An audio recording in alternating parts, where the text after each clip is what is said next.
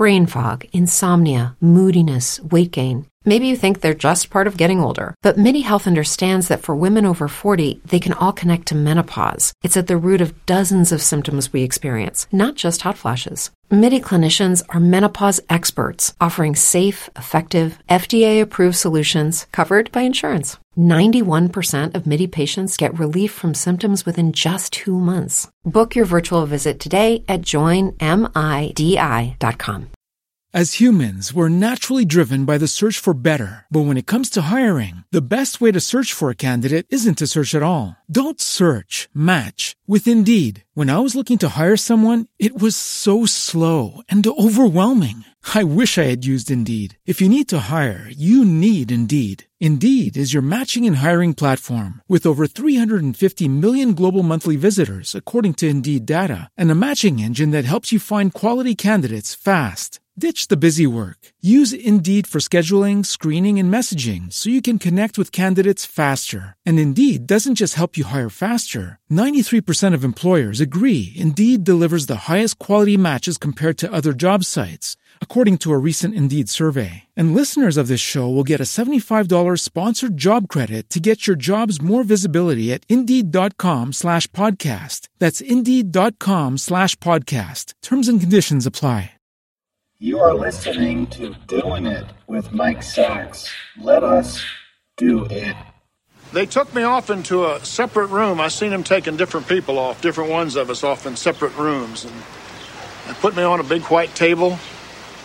And uh, the guy that to take me there, the one of them that, that took me in there to examine me, I guess he, he probed me, and then I was in there. I I bet more than three or four hours in that room of being probed, and at one time or another, there's different ones of them come in, four, five, six of them at different times, and all of them probe me. Uh, not all at once, you know, individually.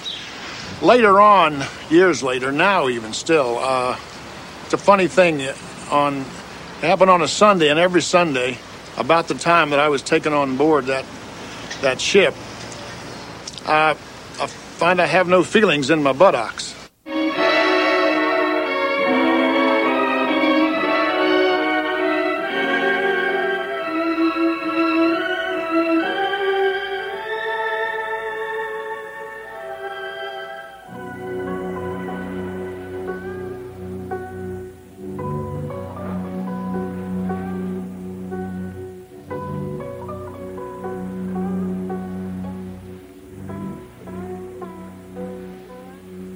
Chunk.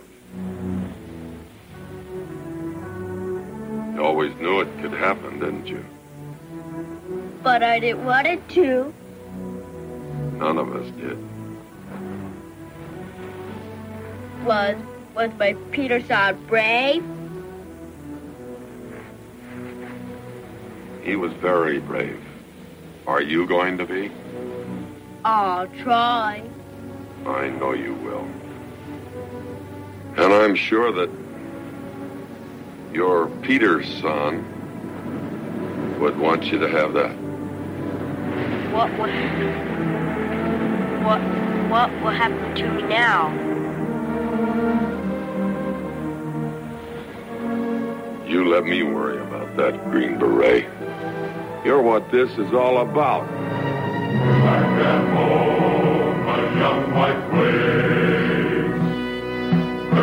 Her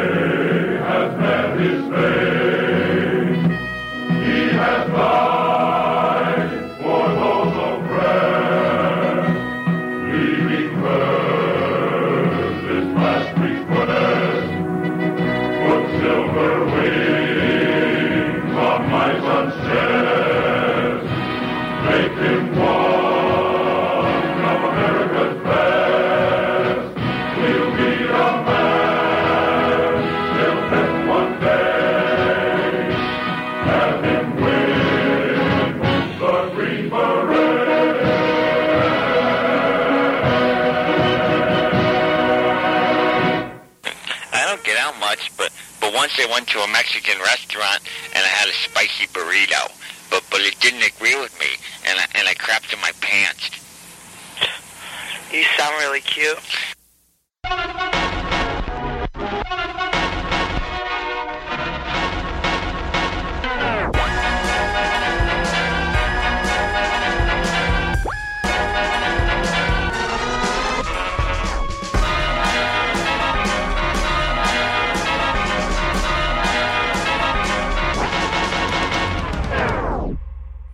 What, what happens here now? This is it. Okay, this is it. Welcome to the 19th episode of Doing It with Mike Sacks. What a great show this episode. There will be two interviews. That's two. One, two. The first interview is with singer songwriter Adia Victoria from the great state of South Carolina. Adia has a recent album out that is one of my favorites of the year. It is called Beyond the Bloodhounds. She is a fascinating person, she's a great musician, and she's self taught and I think it's a really interesting conversation thanks to Adia.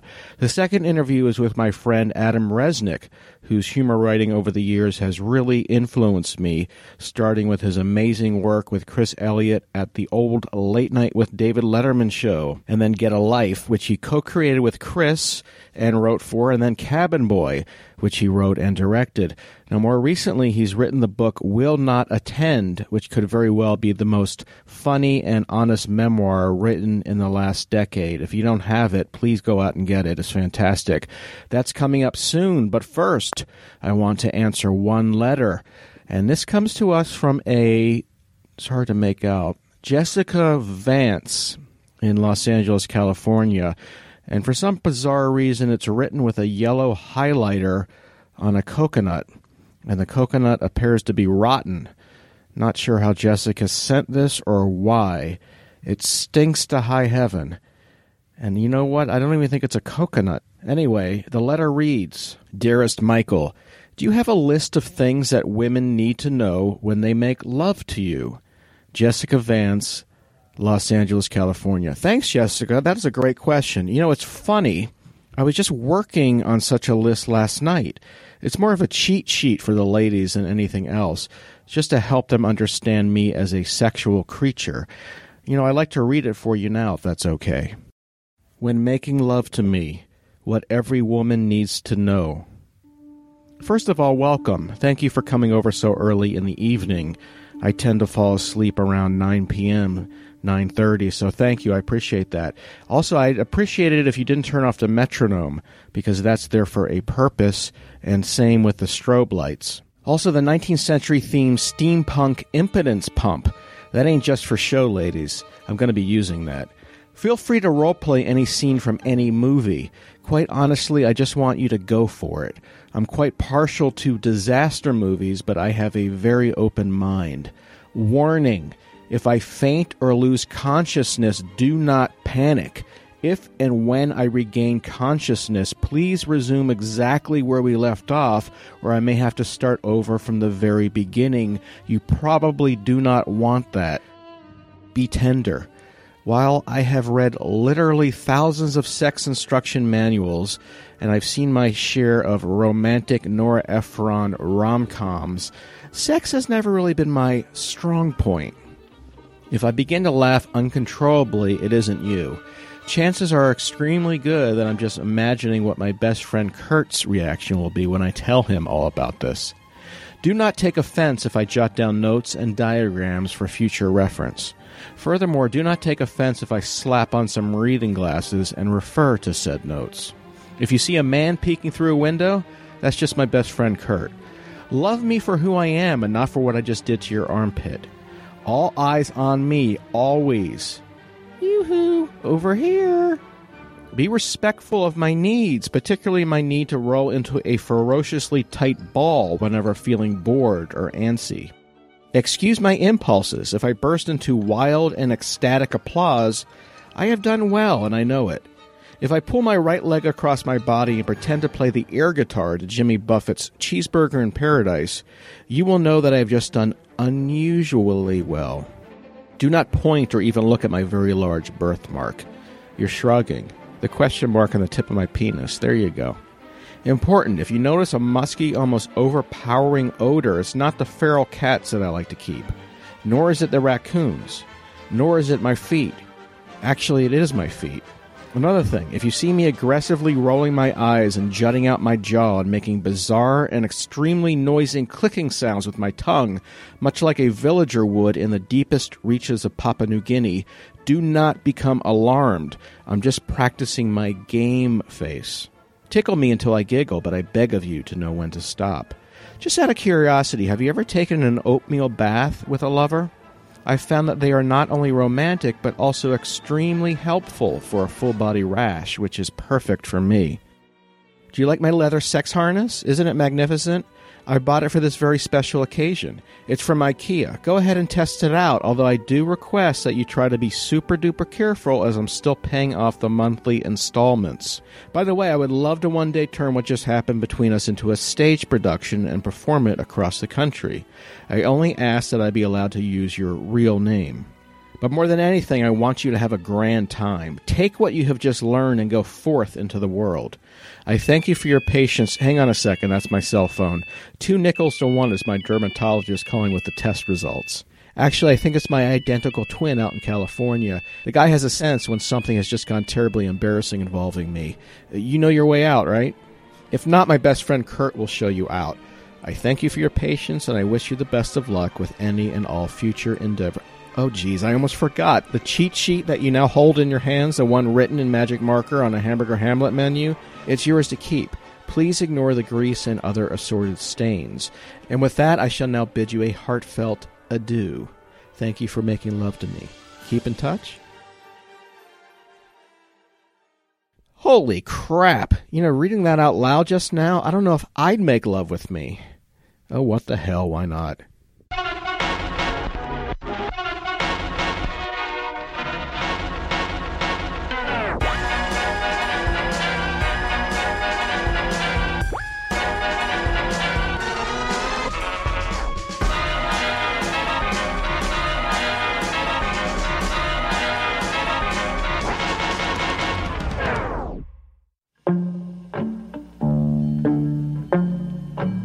Adia Victoria is a singer songwriter from out of South Carolina, now living in Memphis, Tennessee.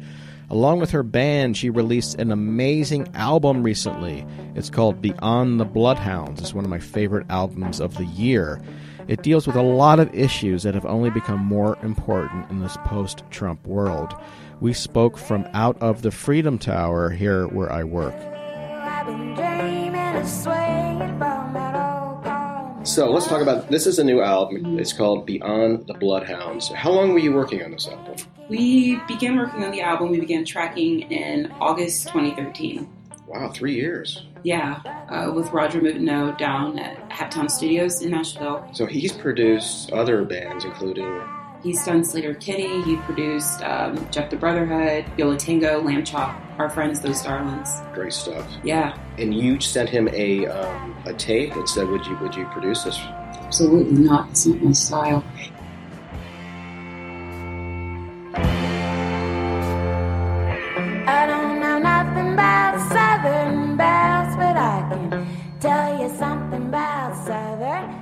He actually came to a, a small gig that I had um, earlier that year in February, and I was opening up for an artist that he'd produced, and it was back in my solo days.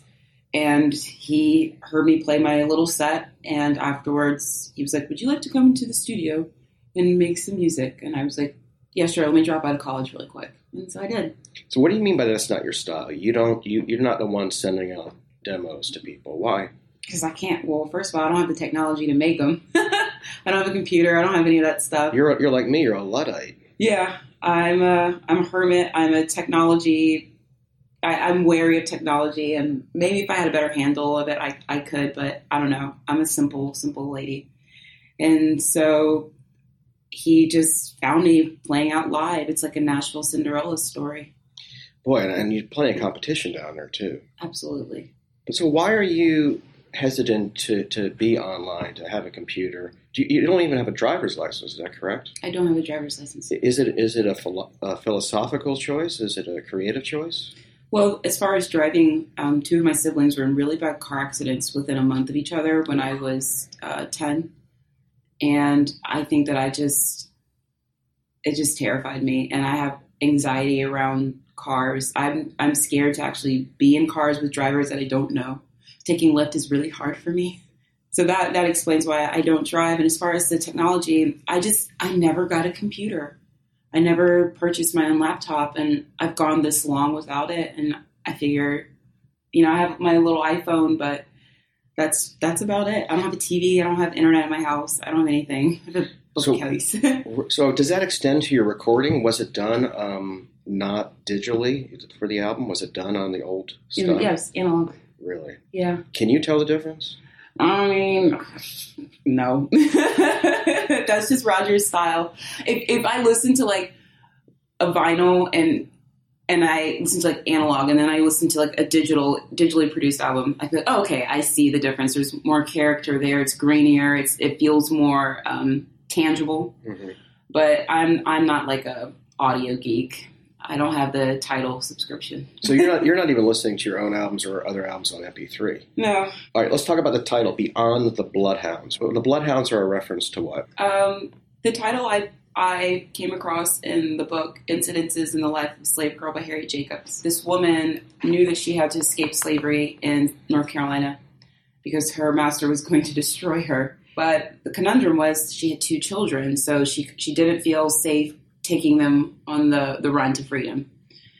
Her grandmother was a freed woman. She brought her freedom and she lived on her master's plantation in a cabin.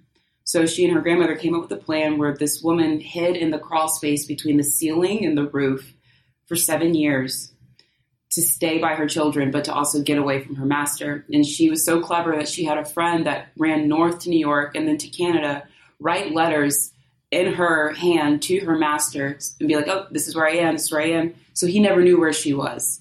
She was really this whole time like on his property. And I just thought, that is an incredibly like cunning woman. And just like she talked about being in this space for seven years where she couldn't even sit up. Her body atrophy, like her physical body atrophy, but she had it in her mind like she had to get she and her children to freedom beyond her master's bloodhounds.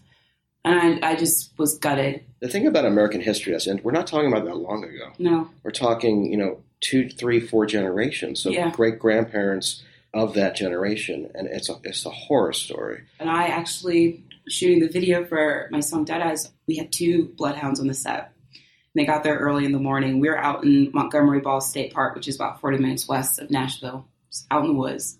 They let the dogs out and they were agitated from being cooped up and they just let out these howls. And like it just like hit me somewhere deep and I was like, Can you imagine knowing that was coming after you? I have relatives who survived the Holocaust. They say that about German shepherds that Mhm. until they died, they could not hear a German shepherd bark. So oh, you wrote. Well, I found this interesting. You wrote about Kristallnacht when you were a kid. How did that happen? Oh my god, is my sister out here like eating the meat dealer? She's I right about the Holocaust. yeah, I wrote um, a story that it was about a young girl whose family's home was um, attacked during Kristallnacht. And the inspiration came after reading um, Number of the Stars by Lois Lowry. That was my favorite book, as it was like a lot of young girls my age. Like I just fell in love with the characters, and I don't know. I I think something resonated in me about being like feeling under attack and having to go and hide away like within yourself and and, and just get away from like all these outside circumstances that wanted to destroy you. And so I, during my seventh grade year, I just wrote basically a little novella of this girl, you know, hiding from the Nazis.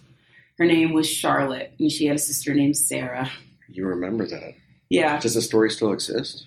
I have it in my my files. My little sister Hanifa, she's always um, imploring me to finish it because I would I would write a chapter and then I would read it to her for her bedtime story. Like this is what's happening. So it was like a little soap opera for us. So did you feel yourself you were an outsider? I always felt watched as a child. I always felt that everything I did went into either the good or the bad category. And I remember distinctly feeling like it was a lot harder to be good for me for the things that I was supposed to do. Like I don't want to do that. I don't want to act that way. Like I want to I want to be mischievous. Yeah, it's interesting because when you look at any successful artists, be it John Lennon, Janis Joplin, none of them could abide by the rules that were set up for them. There was nowhere like I never felt comfortable being within like like a, a social structure of any sort, like be it school or church or whatever. Like I just never felt I never felt whole there. I felt like I always had to like chip away at parts of myself to fit in. And this culminated with me dropping out of high school when I was 17. I was just like, I just can't pretend to care. Like I, whatever it is I'm supposed to get from this, like whatever the world can give me from getting the job and going to the school, like I don't want it. It's not worth it because I just felt so dulled down by it. To me, it's it's just deadening, hmm and I think a lot of creative people are um, don't go into creative careers because they feel that it's not possible for them. Right, right. Well, for me, school, high school stripped me of my self esteem. It made me resent the learning process because I was being forced to learn things like I didn't care about. So I started to associate learning with, oh God, like what a chore. And it wasn't until like I started playing guitar and writing songs where I was just like, this is something I enjoy learning to do. Like the process of learning this instrument is fulfilling for me. Well, you started late, right? When you learned, how old were you when you started guitar? I was 21. I just became obsessed. I was working as a telemarketer in Atlanta doing crap I didn't care about, selling products I didn't care about. So the guitar became this one relationship in my life, this one area in my life that was my own. And I felt in control. And it, I think it changed who I was, just finding that so late in life. I was acting out a lot of my insanity with learning the guitar. Like that was my outlet for it because I didn't have anything else. And I, it was just around the clock. Like I would be at work selling people cable and internet and just like flipping back and forth between that and like chord shapes. So you went out there and just said, "I'm I'm teaching myself this." Yeah. And that's one of the things that strikes me about the old blues musicians. Everyone talks about selling their souls to the devil. They just practice their asses off. Mhm.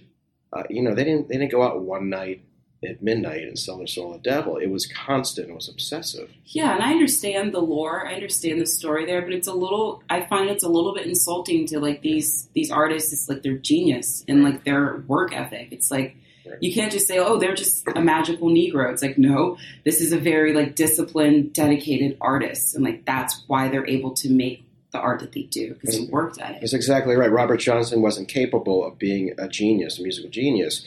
He got it by uh, meeting the devil at the crossroads, and Right. that's how he got it. Right. So it wasn't him just making leaps that no one else made before.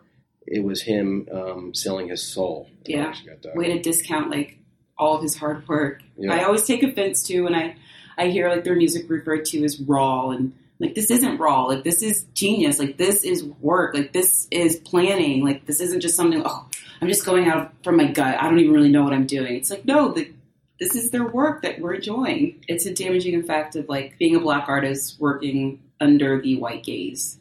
Is that people are very hesitant. They look. They almost look for reasons not to believe you. They almost look for well, who who is qualifying this? Like, who is making this okay? It's because it can't just be me making my art. I I have to be validated by whiteness somehow, and I find that extremely troubling and very frustrating. Here's your song for Montana and North South Dakota too. Here's your song for Wyoming and all the pretty places I've been to.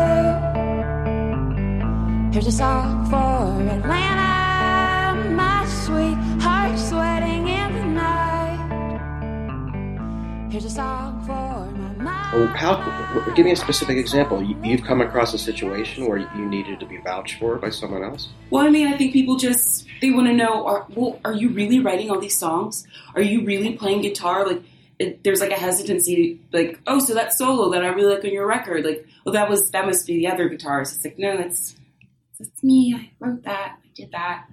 You know, and I I find myself having to ex- explain, and I, I don't do this anymore. Like when I first started taking interviews a few years ago, people would be like, "Well, you're a black woman. Like, how did you get into playing guitar?" It's like, well. First, I woke up, I ate some fried chicken, some watermelon, kicked out my afro, and I was like, "Well, what am I gonna do now?" It's like I, I play guitar because it's fun. It rules. Like, why does anyone pick up the guitar? Why? Why are you making me like an outlier? Well, a lot of this, I think, goes to, and I see this a lot in media. Is it a racial issue or is it a female issue? Oh, it's a racial issue. And you asked me, you're a black woman who plays guitar. How did that happen?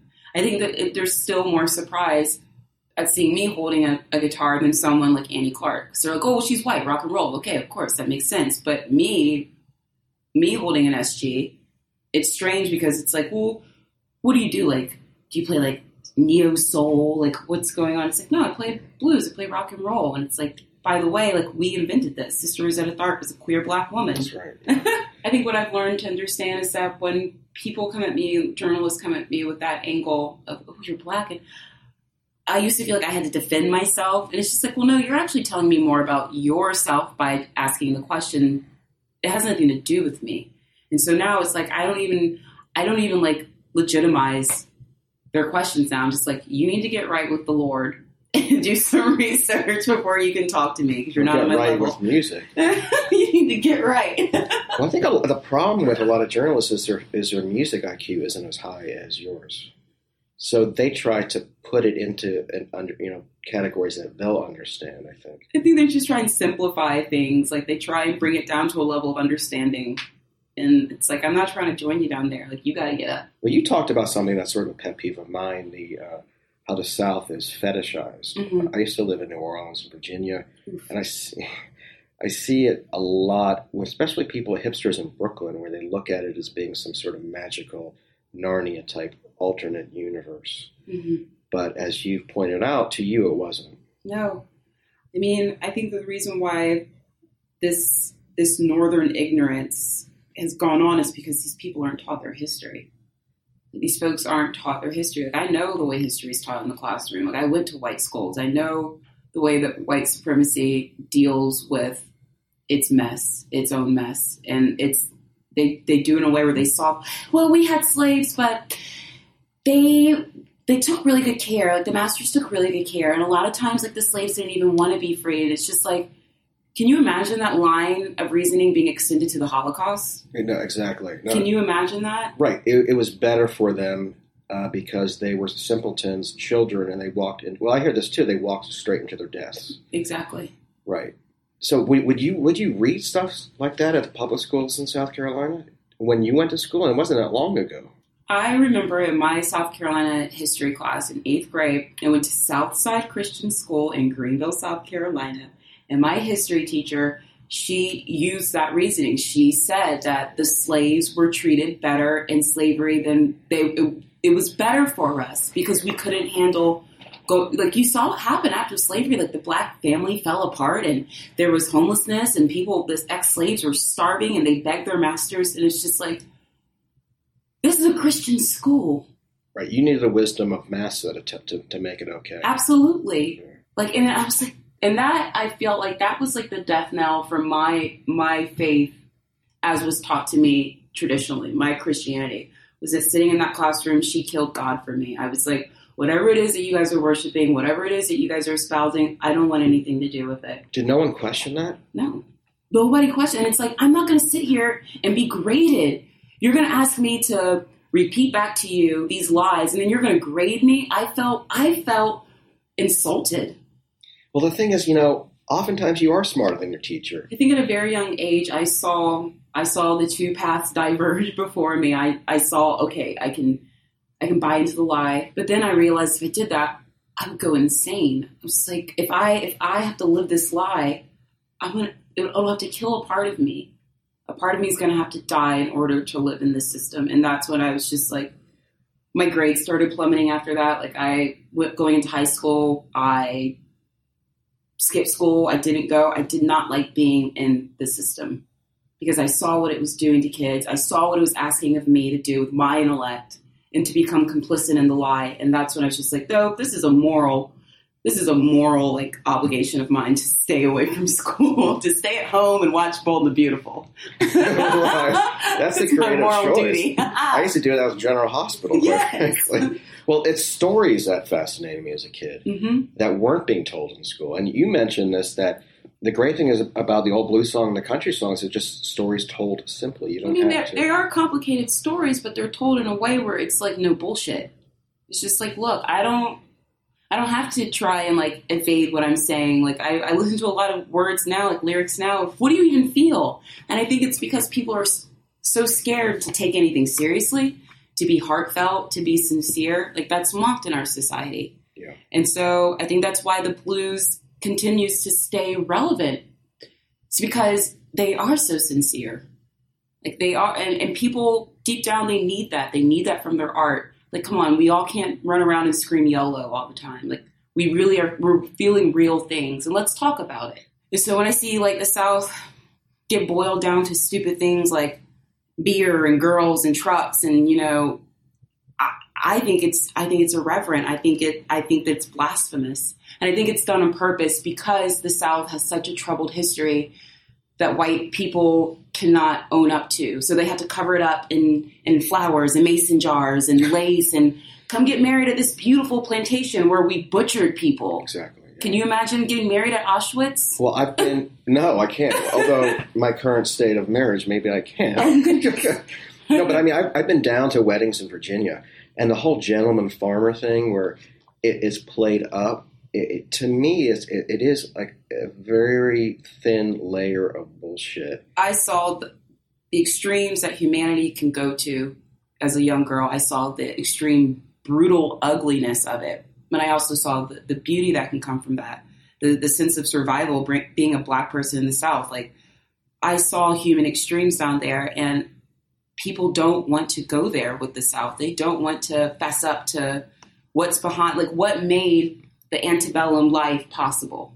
Why were these people allowed to sit around and drink mint juleps all day? Yeah, this wasn't suburbia. no. Builders, builders didn't come in and build these beautiful mansions. How did they afford this lifestyle? And then when you start scratching the surface, that's what I'm interested in. Well, I don't even think I think people know and they don't give a shit. I mean, this this between um, you know pre Civil War, the way that a lot of Americans look at that as you know butterflies going around song in the South. I think they know that it was horrible, but they don't give a shit. I don't know. I don't think they understand how destructive and brutal and evil the system of slavery was. I'm reading a book right now. It's called The American Slave Coast, and it's about the slave breeding industry.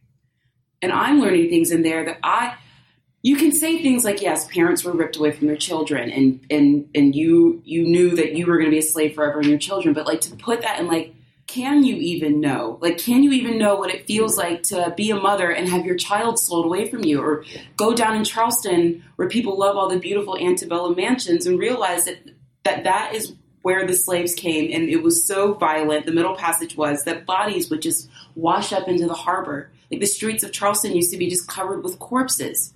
Right. Even if you survived, it was hell on earth. Yeah, like I, you can't like these people were treated as like rough materials. Like their bodies were oiled down. They were put into suits and they were put up on the, the block. Like you would like sell a chair. Like can, I don't think that we can appreciate how brutal, like psychologically brutal, the whole system is.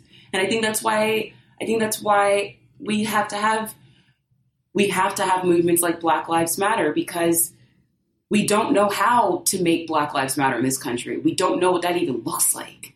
When you say we, what, what does that mean? America? America.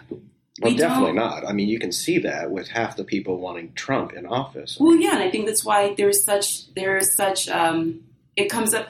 I think that's why it frustrates um, white people, a lot of white people, so much. That just that phrase that Black Lives Matter is because they are truly terrorized by the idea of Black Lives Mattering because their whole life their whole life and their idea of America was all based on the exclusion of blackness.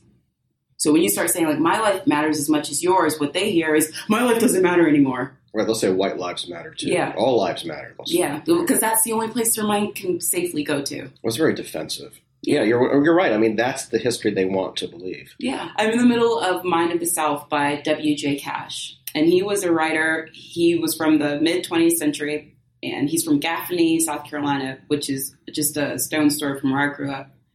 And Gaffney was notorious for lynching and racial violence. Like it was bad. And he wrote about what all goes into the southern white male's mindset. What what what's the machinery that allows him to believe this? And he talks about how white people, poor whites, they need black people. They need black people to feel to feel superior. They needed us to they, they needed shit rolls downhill. And so he said that the people, the planners, the, the wealthy people that ran Southern society, they gave the white man a nigger to look down upon and to, and to never question his whiteness. And so he was able to rope the, the poor white in with the planners and, and trick them into thinking, well, you're white, and so your interests must be the same as ours. And it was a way to economically control people. You just gave them that salve. You give you rub, you rub that onto them. And he said that it was the most effective system for capitalism to keep these people from questioning their social and their economic standing. And we're seeing that now. We're seeing that with Donald Trump. Like these morons actually think that Donald Trump represents their interests. And they are morons. They are they're they're pathetic. They're pathetic. But as long as they have an other to say, well, I'm not a Mexican, I'm not a Muslim, it's like, y'all, they keep doing this to you in a loop. Do you realize they just tell you who the boogeyman is and you fall for it? And it's also human nature to look down on those, and even within your own realm. I think that racism and I think all the isms that fall under capitalism have perverted human relations. And they tell you, oh, well, this is just, you know, this is just the way humans are. Like we have a fear of the other. And I understand that, but it's like, but we also, we also survived in caves together. We also came together to to keep our line going. I think that that's what drives humanity, and I think that we are given all these artificial barriers to say, "See, they're not like you. They're not like you." To keep the system going. Well, I think about that. I mean, I, I agree with you. We survived in caves together, but we also fought the cave down the street, down yeah, the block. that's true. so it, it, it's a nurturing and also a lashing out at our at our own, which I find I just can't wrap my mind around that. Do you think also too it could be because we are told that there's not enough for everybody to go around? I think so. I think it's a thing like I think we're a very selfish society and we have to take care of ourselves. You know, so what if we get an SUV and it puts out a lot of uh, emissions into the atmosphere? It's keeping my kids safe. Right. And I think America at this point is a very selfish country. And I don't think we realize how well we have it. I mean, I was visiting my father down in Florida in a gated community. Everything's gated down there. And I was walking by a, a Cadillac in the back. It had a Trump hat, Make America Great Again. I thought, is America not great for you right now? Living in a beautiful house eh, behind gates, driving a Cadillac. What, what do you need that you need greatness? To what, what are you looking for? I think that they miss the ability to openly oppress others, minorities, women. Like I saw a really great cartoon where this guy was like, "Political correctness is going to destroy America," and this woman was like, "This woman in hijab was like, okay, now say that without." poli- The political correctness. My inability to insult minorities and women as I see freely is ruining America. It's like that's what they really want. Because if you if you get to talking with them, you're like, okay, let's make America great again. Well, what are you talking about again? Are you talking about our economics? Do you want to go back to like post World War II when we had like the highest economic output? Well, what was happening then were taxes were high, high, their highest level that they've ever been. But this this spurred growth. Well, no, that's not what I mean. Okay, well, what else was going on in the 50s then that you think we should go back to? I can tell you flat out, and I'm talking from personal experience with relatives who are Trump supporters, it's Mhm. flat out racism. Yeah, yeah, it's it's fear. It's white fear. And I, I always I joke about this with my mom. It's like it is the most uncouth thing to say among, you know, highbrow white people that you support Trump or anything Trump and they they just oh my god, they're just aghast and they cannot believe that just like the hatred of, of white people, you know, good white people of, of Trump. I find it funny, but it's like I think the reason why they they uh, they abhor Trump the way they do and his supporters is because he's telling the truth about the state of white America. He's, Right, and he- he's airing y'all's dirty laundry. He doesn't give a shit. he doesn't give a and shit. And he knows that he can do anything. exactly. You know, someone on staff here was the one who interviewed him where he pretended he was his own PR person. oh no, She sits right near me. And no one cares. They just don't care. they don't care Because their hatred is above anything else. They don't. to their own detriment. to the country's detriment. Yeah. Absolutely. That's and it's the same thing that W.J. Cash was talking about. Like he's like you don't have you don't care about your own well being as long as you get to put your boot on someone else's neck. That's good enough for you. And how sad is that? Well, this is fa- I, I haven't had a discussion like this on the podcast ever, and I could talk to you forever. If you're listening, even if you're not listening, Beyond the Bloodhounds, it's on Canvasback, and that's through Atlantic Records. Yes. It's the best record I've heard in forever. Go out and get it. Thank you for joining me today. I think you're fantastic. Cheers. Thank you. Will you come back when you become popular? You can forget who I am. I'm too big for the Freedom Tower. This is what I'm whiskey oh, will do. Say you're looking for something that you feel anew. You don't believe in God, well, whiskey will do. Yes, whiskey will do.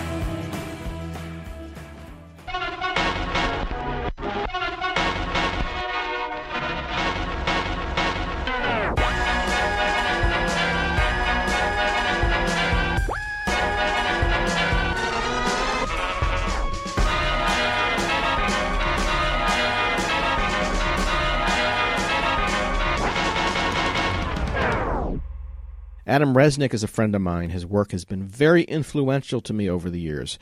Adam started working as an intern at Late Night with David Letterman in the mid 1980s and then became a writer, producing, along with Chris Elliott, a bunch of characters that I'm still obsessed with to this day, namely Chris's version of Marlon Brando. Adam Resnick never holds back when it comes to talking about how he feels about his experiences in showbiz.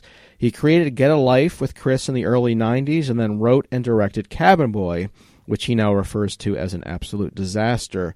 He's made a really good living as a scriptwriter. Recently, he wrote a fantastic memoir called Will Not Attend, which, for the story about Adam stumbling upon a pornographic photo involving a horse, is worth buying alone. Adam now writes for HBO's Divorce. We spoke in person a few weeks ago. We've talked about this. I mean, you are, I think, an example of a very successful writer but it proves that comedy writing is a hustle, and you're still hustling. Yeah, I mean, yeah, it's always uh, you make some money to subsidize, you know, something that you want to do that doesn't pay money. It's always been like that. I mean, you have to take on jobs that you wouldn't want to do otherwise in order just to make your nut, as they yes, say. that's exactly right. I think, and I'm not.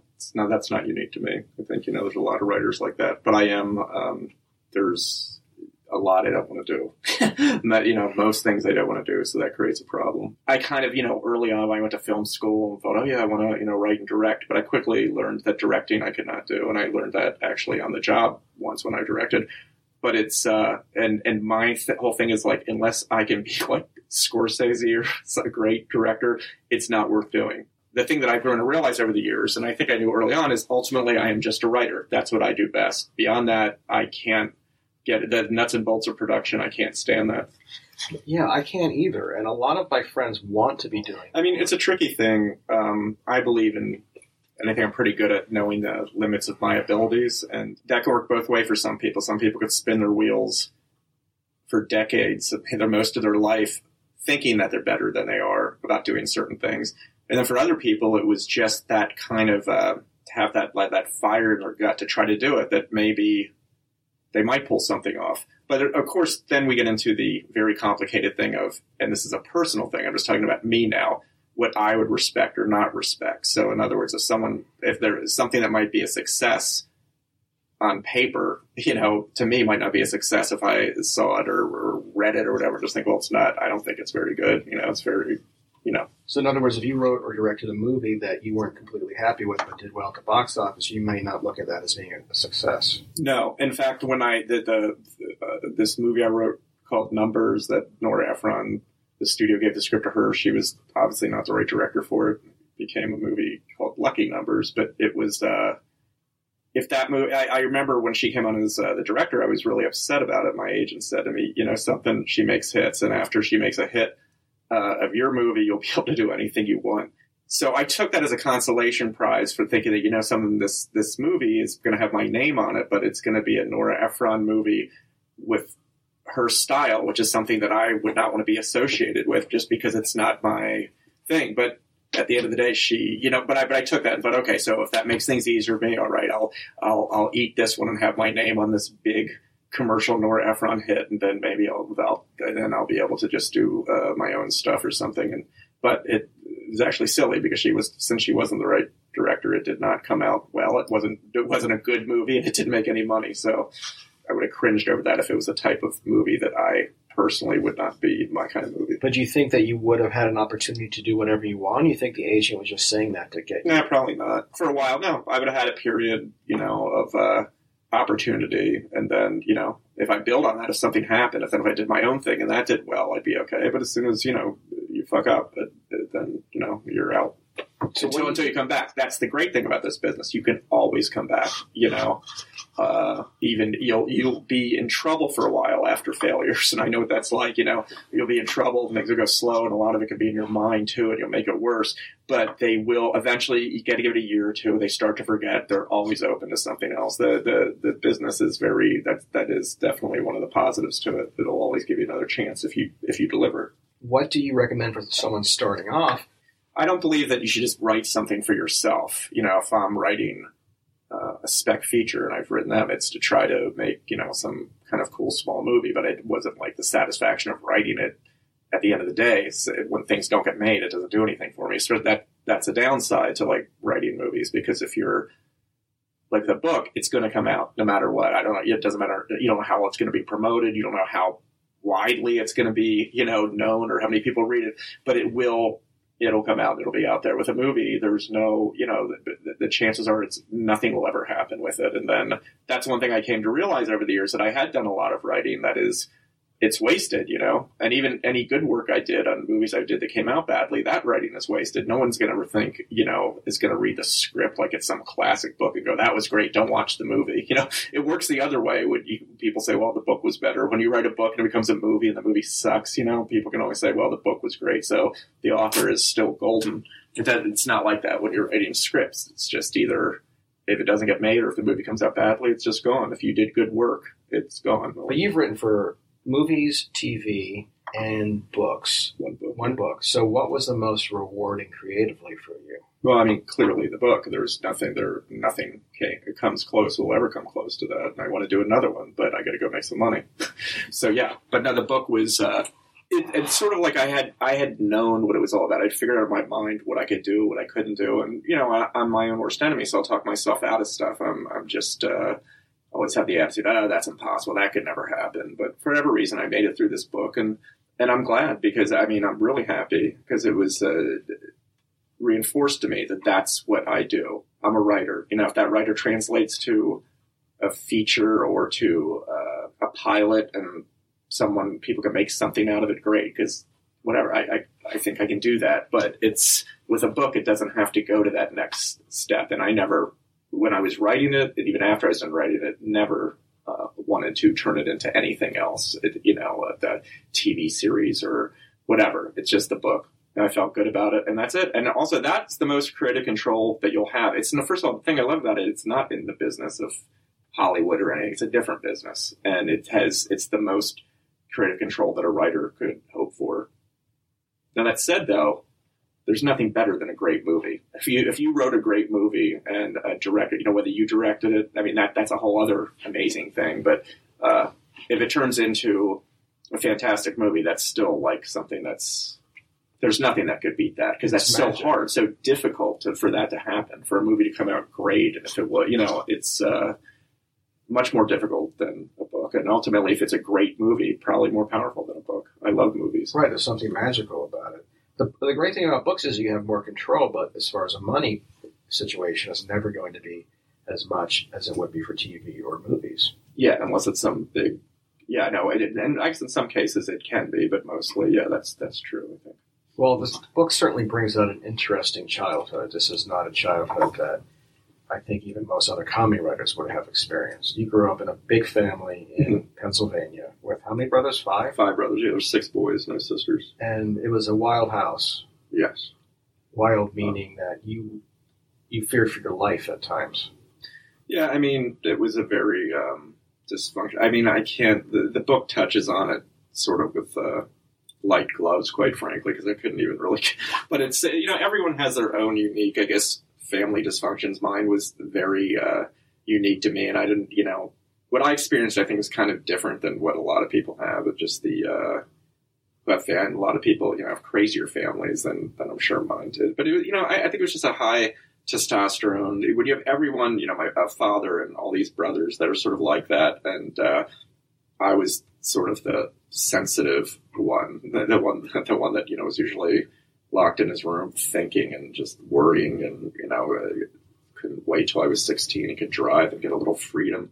Um, so that was, and and also I realized that you know I was. Uh, you know, depressed my whole childhood, which today they have pills and shit for. There wasn't a lot of that around that, and not, especially not in Harrisburg, which I'm sure is very late was late to the game with all that. It's not like you you go to Harrisburg to find you know the best uh, psychiatrists and all this other kind of stuff. Or so you know, and it took me a long time, you know, until I even thought of uh, trying to get on medication when I was an adult or uh, seeing anyone. But that was, but yeah, no, I was fucked up, you know, and that was, and, and, but there was it, not only my household and the town and everything, I think there would have been a stigma to any issue. I mean, you were totally alone. I mean, I had OCD as a kid and probably depression, and it would you just didn't know what it was. Right. had No, you didn't know. You would never, yeah, it never in any of my, you know, uh, childhood or anything else did I ever say to myself, you know, oh, you're suffering from depression. You know, I just felt probably guilty about the way I didn't, didn't think of it as much of anything. I just knew that I felt bad all the time. Do you think that um, that affected you becoming a writer in some way? That you wanted to express yourself? No, I mean, you know, I never wanted to be anything. I, I my, it was so awful. All I could, the only, my only goal was just to get out of school. You know, once, once finally graduating in twelfth grade, I would be, you know, uh, free, and that's, uh, that was my only goal. Then I, you know, I worked was starting like at sixteen. I had a bunch of different jobs. I worked in a record store uh, when I was uh, sixteen through probably twenty, and uh, you know, I, I, I, made a very good friend there uh, who was a big sort of influence in my life and teaching me how to, or just basically opening up the, the, world to me because he knew a lot more things than I did about music, about all this other stuff, and just. Uh, uh, I don't know. I, I became it was that that was a happy period. Like like I always think if I put like a chart up, you know, of just all, you know all the years you know that I've been alive, the uh, I could see the, the, little happy periods. I could see the dark periods. I could mark it easily and tell you why each one of that. So, but those years were bad because of this or something like that. But the, those uh, the years after I graduated, uh, working in the record store were really, I think, uh, important years for me. Who know? was this guy? Because I was really influenced by my manager at a record store, a black yeah. guy named Bruce Lee. Who my guy's named Bruce too, not Bruce really? Lee, though, actually. Yeah, and I, and this guy was fantastic. He was the best boss I ever. He was just a wise guy. Yeah, right. Yeah. I, don't mean like a facetious. I mean, he was like a smart guy, and he taught me a lot of things that I still use to this day. That's so interesting because that's exactly a relationship I had with uh, my Bruce. Not right, what did your Bruce teach you? Um, well, he was just an artistic guy and everything, and he was just very. Uh, um, he knew so much about music and a lot of about a lot of things. He was just really smart. I'd never been around anyone like that before, so he he had a gigantic influence on me and plus it was the freedom. I think I was so enjoying this freedom. I'd never experienced that before. I was now, uh, you know, I had my own car, I which I, I bought for like six hundred dollars with my landscaping money when I was like, you know, like I, I did that for a while when I was a teenager. And then this record store was the that was a dream gig in those days, you know, to work inside this, and and it was, and I was really into music and stuff, and that's when all the new wave shit started. So, whatever happened to the Bruce? Did you keep in um, touch with him? I can't, you know, uh, I, you know, I can't even really talk about it. He passed away no. recently. It's just really, really, yeah, my head's really fucked up about it. But uh, so you did keep in touch with him. I did, and then there was. Look, I love this guy. You know, there was a we had a little bit of a falling out from time to time over. Uh, I don't like to talk about politics, but he did. But I got to say that is, I would just advise anyone. You know, if you have a good friend uh, and there is any um, it's difficult to get away from because I'm not. It's it doesn't motivate me. I don't like to talk and, and bicker about politics. But when you're baited into it, you know. But I would just tell anyone if you have a good friend and that happens a little bit, you got to try to. If you can't, it's it's hard. Cut that part out of your relationship because it really does start to affect you. Just start to see people. It's not even like you're arguing the minutia of politics. You just become like they think, oh well, God, really? He thinks that way? I don't think that way. So that was a little difficult. But I don't, you know, it was just uh, who knows. Look, I'm. Uh, look, I'm I'm not myself. I don't know. Uh, you know, I'm sure that. I'm not a perfect person, so I'm fucked up too. But it was anyway. He remains, though, probably the yeah the most important person I think, you know, in my life, right? Even, even, you know, I put him up there with Letterman, who also changed my life, you know.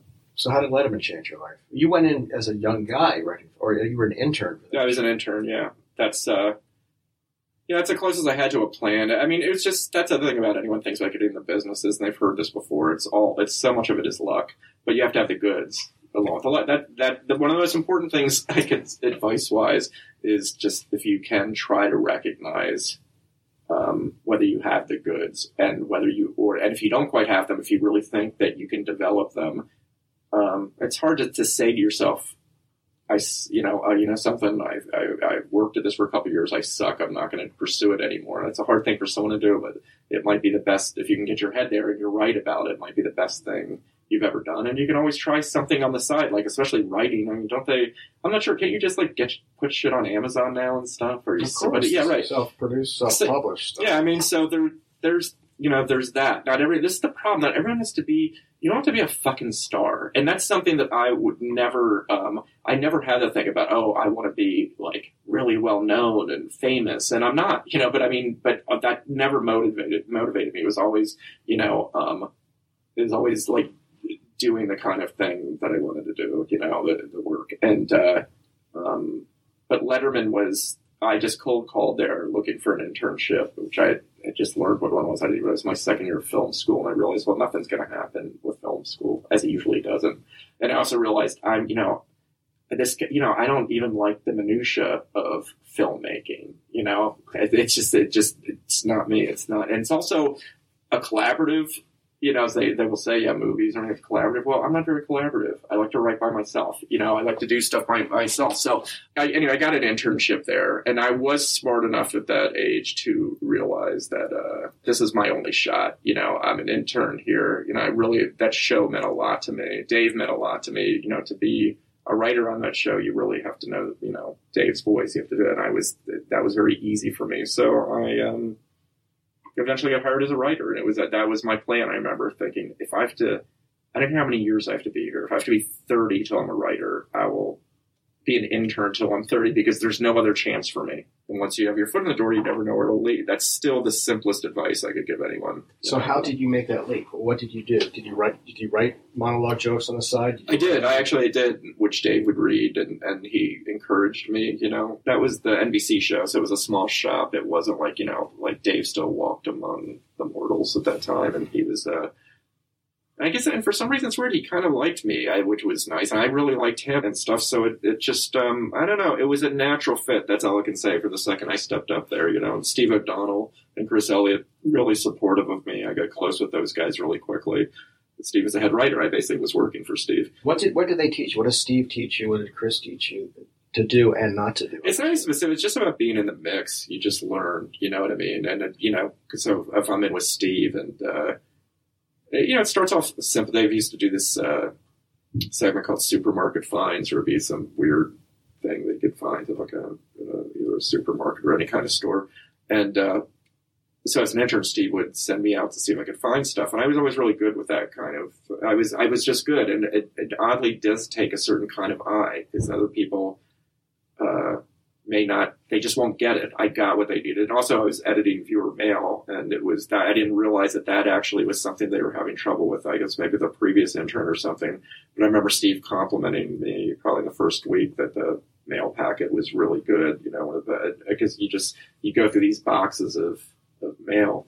I was obsessed with that show especially during that those years every night it was amazing. Specifically, Chris Elliott, whom you wrote with, mm-hmm. the characters that he did on the show, I thought were astonishing.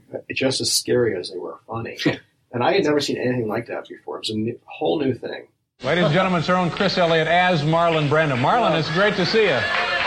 May I be so bold uh-huh. to interrupt your little kitchen pantry utensil hour uh-huh. and say that I was watching, by the way, in the green room. Uh-huh. And just to say, you know, the green room, ladies and gentlemen, is not actually green. In fact, it's painted white, as white as my big.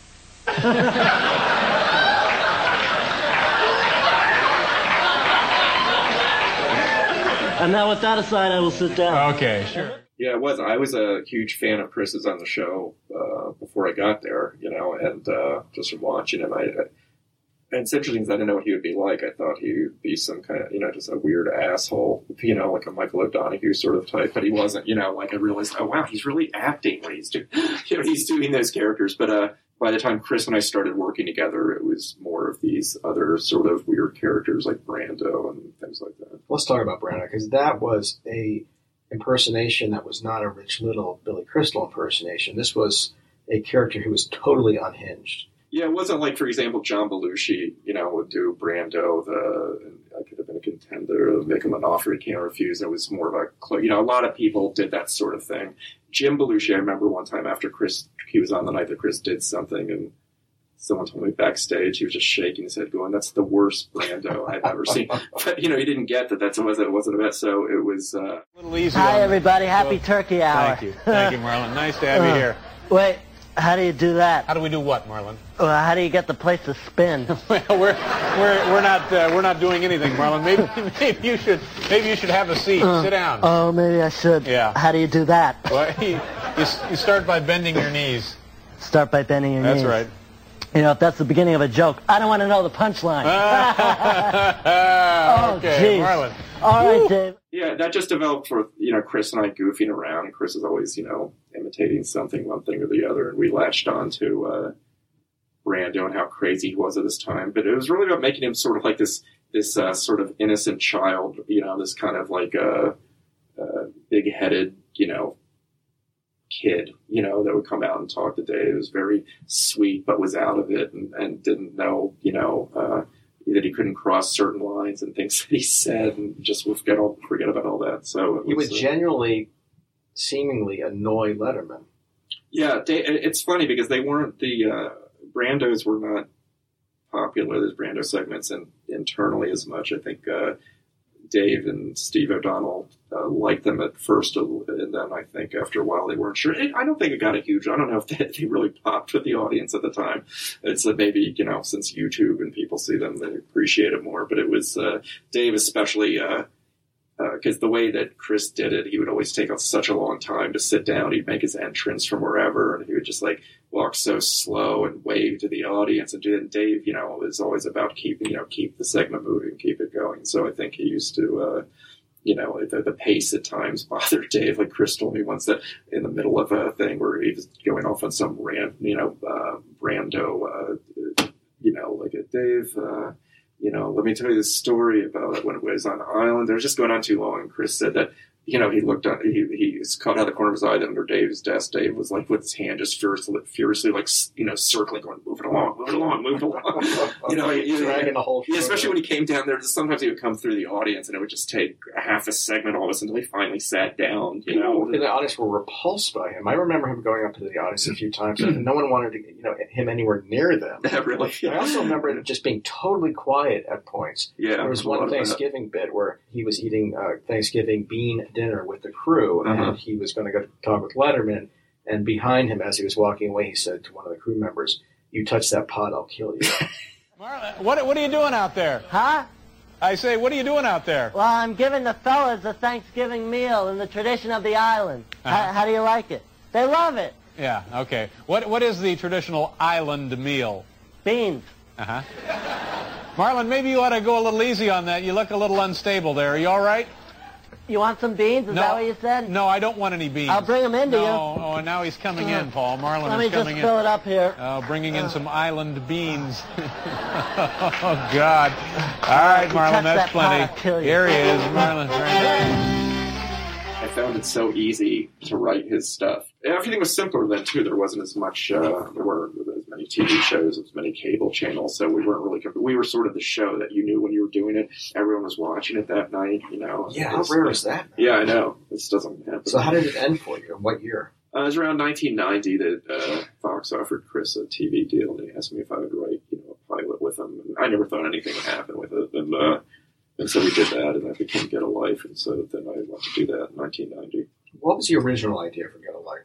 It was it's sort of like yeah, it was a Dennis the Menace kind of thing. Chris had the idea of like a sort of a, a, a weird sort of uh, modern day Dennis the Menace that still lives at home with his parents. And uh, I know there was some talk. We did joke about Being like a nanny for a family once, but that was just I think for our own amusement. The idea was pretty much there right from the start. This was sort of a novel idea that someone who could be 30 years old is still living at home. Now, within a few years, I know it's just like the lamest premise. Yeah. Well, I mean, it just became so across the board that you know all these all these TV shows and movies were about guys who refused to grow up. But at this time, it was kind of creepy. Yeah, I think that's how the network saw it too. You know, that's why they wanted to have, have to have responsibilities. Like he couldn't just be a paper boy; he had to at least be the head paper boy. Oh, so that that shot him into the realm of success. Yeah, I guess yeah. That's no, yeah, but no, it goes to your point that it was. Uh, it's weird to think back to that and say things like that where that was considered weird. You know, the, the, why would this guy still live at home? Now it's you know the weirder the better in a lot of places. You know, So he was really, I think, ahead of his time with it with that character.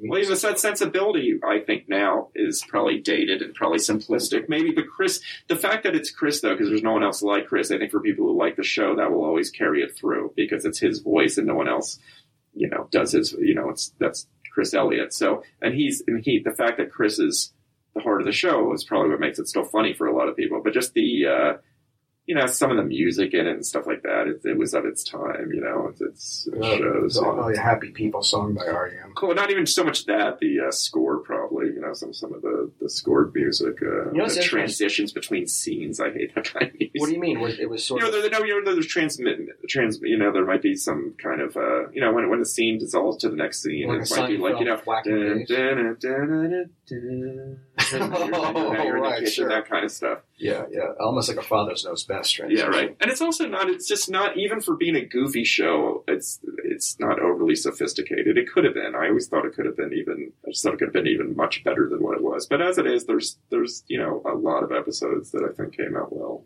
But it's a different show if you watch it on DVD without the canned laughter. It becomes creepier. Yeah, I never saw it. I never saw the DVD, but I guess if someone else said that to me.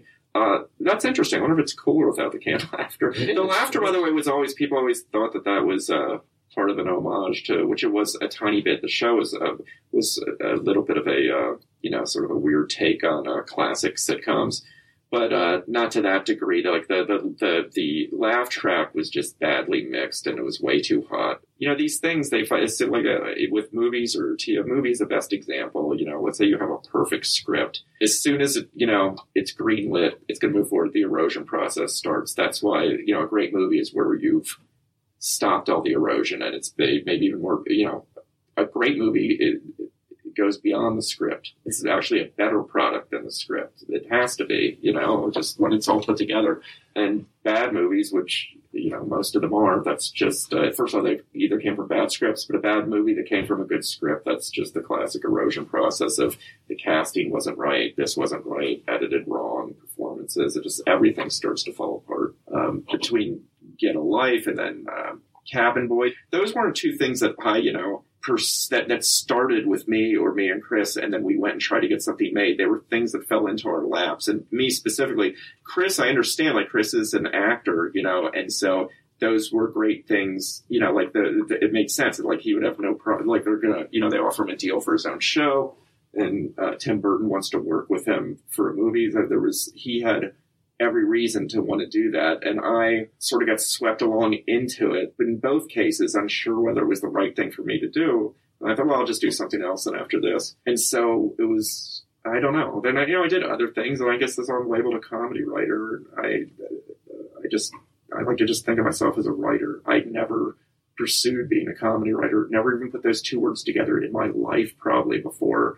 Uh, certainly never growing up, not even in film school. I know. I always, I could never say it myself. I don't think I can say it to this day. I, and to see some people so, you know, saying it so easily, it just rolls off their tongue. And people, you know, they seem to like my book because it's, and I recognize that, you know, the, the book's funny, but it wasn't really, I did stylistically think, okay, well, this is, can't be a heavy book, but it's very much just sort of written in my voice, my sensibility, not necessarily chasing jokes and things like that. And, you know, I, but I was aware that I was writing things humorously, but it, I still, um, to think of it as like a humor book, I hate, I hate that. So what's up next for you? What, what do you want to do? Um, you know, I want to write another book, and, and there is a screenplay that I'm, I'm working on that, uh, you know, if you're talking about that movie stuff, and basically the deal is I, I'm just going to write it on spec, and if, if I don't know if anything will ever happen to it, because he, like, he offered me some money up front, you know, but I, I said, no, I just want to be able to have more control to be a producer if it ever gets that far, you know, to, uh, have a say in casting director. It'd have to be that, you know, I, um, we're sort of partners in that, and that's so that's what we're going to do. But it's the only way I would I would do that again. It'd probably be the last time I ever try to write a screenplay. But I, I, I have something that I really want to write. Well, you just worked on an HBO show. Right, divorce. Yeah, as You were on staff of that. Right, right. Was that a good experience for you? Yeah, I enjoyed that a lot. Sharon Horgan, Paul Simms, who's, who's my friend, uh, Tom Scharpling, Hayes Davenport, some of, um, Gabby Allen, also another good, Jennifer Crittenden, great writing team. Um, yeah, it was fun. I mean, I'm sort of like a soldier in that. I'm like a, you know, the uh, consultant or whatever the title is. Uh, but I liked writing. I enjoyed working with uh, uh, Thomas Haden Church, Sarah Jessica Parker, obviously Molly Shannon's in it. It's uh, but it's it's Sharon Horgan's show. She's great. She's the she did um, she's a catastrophe. She's in that. She did that great show Pulling uh, Oh, in the yeah. UK. It's like- she's great. Yeah. So uh, between Sharon and Paul, you know, the, the, it's it was a really good experience. There must be happiness on your part that people come up to you now and said, Cabin Boy really influenced me to become a writer? Yeah, well, it's better than than it's still being, uh, you know, just blasted everywhere and people, people, everyone's saying how it was the worst movie ever made. But it's still hard to. It, it's nice to hear that, but it doesn't completely. And I guess I don't completely believe it, you know, because I just think that, uh, you know, if I saw Cabin Boy, which I've always thought about, that's interesting. What would I think of that movie? And I think it would. I think it would amuse me, you know, fitfully, and but not, you know, wouldn't be So you don't believe them when they come up to you and say, listen, I'm now. no, I believe them. I believe that they like it, but I just feel like some of them I think they might like it because it's like, oh, it's so cheesy, it's so bad, it's good. So, but then there, there's people told me, no, no, no, that's not why I'm saying I like it. And there's people seem to like it, but I just think, you know, that movie, and I, I even if it can, people enjoy it on some level, it, it bothers me that ah, I could have been better, I think. But it didn't come from a place of any kind of passion. It was nothing that Chris and I never would have set out to do a movie like that. But I'm glad that people like it, and every now and then, when it's on cable, which is rarely, I'll allow myself to watch a couple minutes of it before I quickly. And, and I, I'm, I'm always sort of okay with it, you know. But then I, I turn the channel because I know if I watch any longer, it'll be. Uh, What was a bad experience for you? I remember you talking about this when the reviews were coming out. But they weren't just reviews; they were like scorching. Yeah, that was very painful for a lot of years. Actually, it fucked my head up. It's still my head's still fucked up from it. Then it was a fair. It's not even like my baby that I was like, oh, I had such passion. This this is my baby. They're talking about. It's like, oh, God, why did I do it? I shouldn't have done it. I just did it for the opportunity, which is a big lesson that I would tell anyone: never do anything anything just for the opportunity, just because you think it could advance your career or something like that. That that movie did not. That really, you know, that we were writing for Tim Burton to direct, and then he pulled out and. uh I mean, for whatever reason, they gave it to me to direct. A lot of people say, God, I wish I had such worries if someone handed me a movie to direct. So even I understand that. I understand someone who working in some job, maybe the job that I, if I had not called and got the internship at Letterman, I'd be back in Harrisburg right now working for the state or something, and I'd be thinking the same thing. But it's until you're in someone else's shoes and until you experience these things, you you sort of can't know. Uh, Like I, I you know, the the thing we're just like, oh, I should stop whining. Oh, big deal. This movie came out bad. It was an awful thing. And by the way, anyone who is working some other kind of job and thinking about any, what show business is like, it's not the most fun business in the world. I feel very lucky to be in it because it's literally writing is all I can do. Really, it's the only talent I have. So there's nothing else I could have done, you know, and been happy. So I'm so fortunate that way. And it's not an awful business in that it's for it can be forgiving. You can write that that, that the, this sort of cliche is true. You can write yourself out of anything. You know, if you're you know if you get into a jam and do something bad. But um, but that said, it's not. It's not for me. It's not fun. I could actually. I can't say that as the complete truth because there's a lot of people who love it. I have friends like that. I know people like that. They love being in the mix. They love you know being around the people. They love being around other comedy writers and and doing all this stuff and, and, and, and talking to executives. I honestly, that was so not my personality. And, and working for Letterman reinforced that even more. Like the first time I was on a, a lot in LA, it was probably for Get a Life. And I was just like, ugh, you know, there's nothing romantic or great or fun about, I, for me, production, making a movie, making a TV show. It's, Letterman was very much seemingly anti-Hollywood. yeah. So to go from Letterman to Hollywood must have been a strange transition. one by one, writers were leaving to work on Married with Children or The Simpsons or something. I to just, you know, think, what saps? What a stupid thing to do. You know, like this is the coolest gig right here. Why would you want to write on a sitcom? I never had any romanticism at all about, you know, writing on a sitcom. I thought it was a, a lowbrow thing that, I mean, look, obviously something like The Simpsons, we're not, I'm not talking about that, but I'm talking about these guys would have done anything. It was great. They would, to actually go and work on a, a half hour comedy. And I think even if you're a success, that carries its own weight because, you know, if you uh, do a good, if you somehow make a good movie, you know, you've got to follow it up and it becomes the worry starts all over again. But, uh, just the grunt work of, of, of like, you know, working on a TV show or something that, uh, or, or a movie, I never found it to be fun. But yeah, it's telling that what you found to be most fun was sitting at home, and this I, I'm the same exact way, being left alone to write a book. Yeah.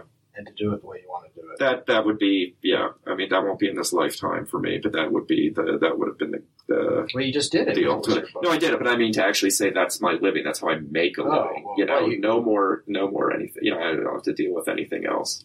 I think that's a good lesson to know, and I didn't know that starting off. Everyone, no matter the level, except the top 0.1 percent, are going to have to do some things they don't want to do. No, that's true. That's right. Well, and, and by the way, which is uh, as I've gotten older, I feel less bad about all that. I understand it. You get that you you know you're not as immature anymore, whining and thinking about you know why didn't they do this and this got fucked up. You just sort of like know what you have to do, and most of it does have to come from you, not your agent or anything. You sit around waiting for an agent or a manager to do something for you. Uh, that's a huge mistake. Just like you make you have you make your relationships, you figure out what you want to do, you put it together yourself, and then they'll just do the paperwork. Absolutely, it's up to you. You Yeah. have to make the opportunities. Yeah. You have to go out there. You're not going to be pulled up from the minor leagues to the major leagues like you would in baseball. Right. This is everything that happens out there is up to you. And you, I'm sure you initiated the book. This is what I want to do. I want to write, write a book. And this is what I want to write it on. And this is what's going to happen. And then you had help uh, from your agents and managers after that. But Well, I mean, it's just, the way that- I mean, the way I did it, which is, I guess if you would write a novel or something, you just have to write it. But this is something that you do a proposal for. You know, I wrote that, and they, it was a preemptive bid right away, and it was good. And it was sold, and that was it. And it was a good feeling. This is the other thing that's different to the movie or TV business. The fact that I knew when I walked out of there and sold the book, holy shit, this is going to be a book, which is not guaranteed, you know, if you're pitching or something. Uh, uh, so it was, uh, yeah. It was well, it's exciting and also horrifying. Like this is going to be a book, and it's only up to you to produce that book. Yeah, I wasn't afraid of that actually. I felt I felt I could do it, and but and also I was pretty much aware that it's not like movies or TV. So if it, let, let's say it was horrible, it's going to be barely noticed or mentioned, you know. And and uh, whereas you know uh, TV or you know a movie, you're gonna that's going to be out there. And I I don't know I'm very um, you know I got a problem with that because I was you know I, I I had to deal with that several times. The feeling of just being uh, killed. There's nothing worse you know, reading shit about yourself, especially when uh, you just feel it's not true. Especially when it's a review like, "I wish these three walked off a plank." What was that? Uh, oh, okay, Davenport. yeah, there are a lot of uh, nautical metaphors. They, it's not like I could, like I said, I was proud of it, you know. And not only that, I'm someone who's, uh, you know, I, my taste is so narrow. What I like, I don't like a lot. So to be sort of seen as someone that did something shitty, it was just, it, it was a real head fucker.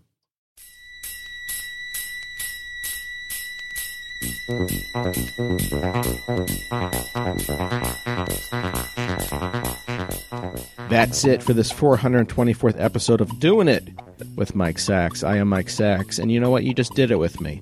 Here are some highlights from the upcoming podcast. Actually, just one. I will announce my all time favorite game show catchphrase, which is Time is running out. What's your final answer regarding this large red sore on my neck?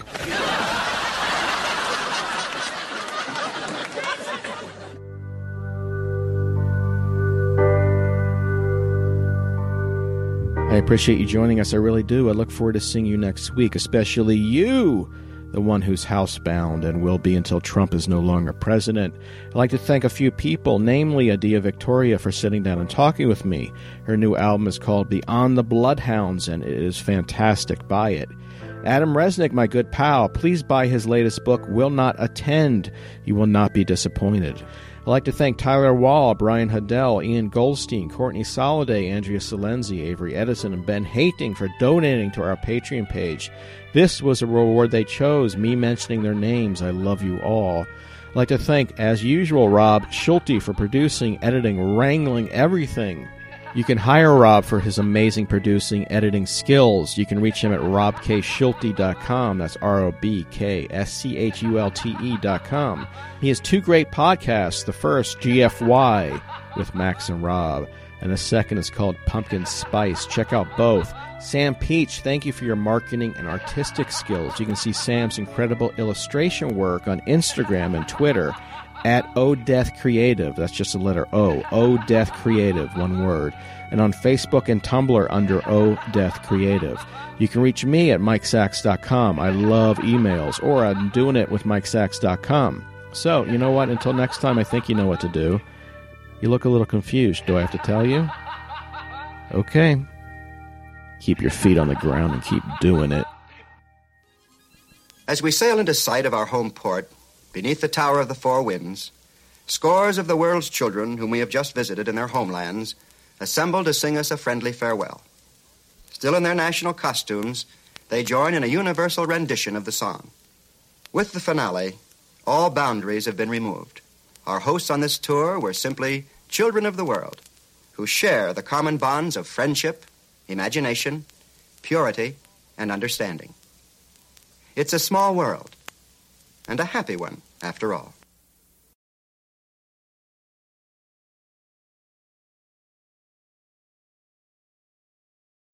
As humans, we're naturally driven by the search for better. But when it comes to hiring, the best way to search for a candidate isn't to search at all. Don't search, match with Indeed. When I was looking to hire someone, it was so slow and overwhelming. I wish I had used Indeed. If you need to hire, you need Indeed. Indeed is your matching and hiring platform with over 350 million global monthly visitors, according to Indeed data, and a matching engine that helps you find quality candidates fast. Ditch the busy work. Use Indeed for scheduling, screening, and messaging so you can connect with candidates faster. And Indeed doesn't just help you hire faster. 93% of employers agree Indeed delivers the highest quality matches compared to other job sites, according to a recent Indeed survey. And listeners of this show will get a $75 sponsored job credit to get your jobs more visibility at Indeed.com slash podcast. That's Indeed.com slash podcast. Terms and conditions apply.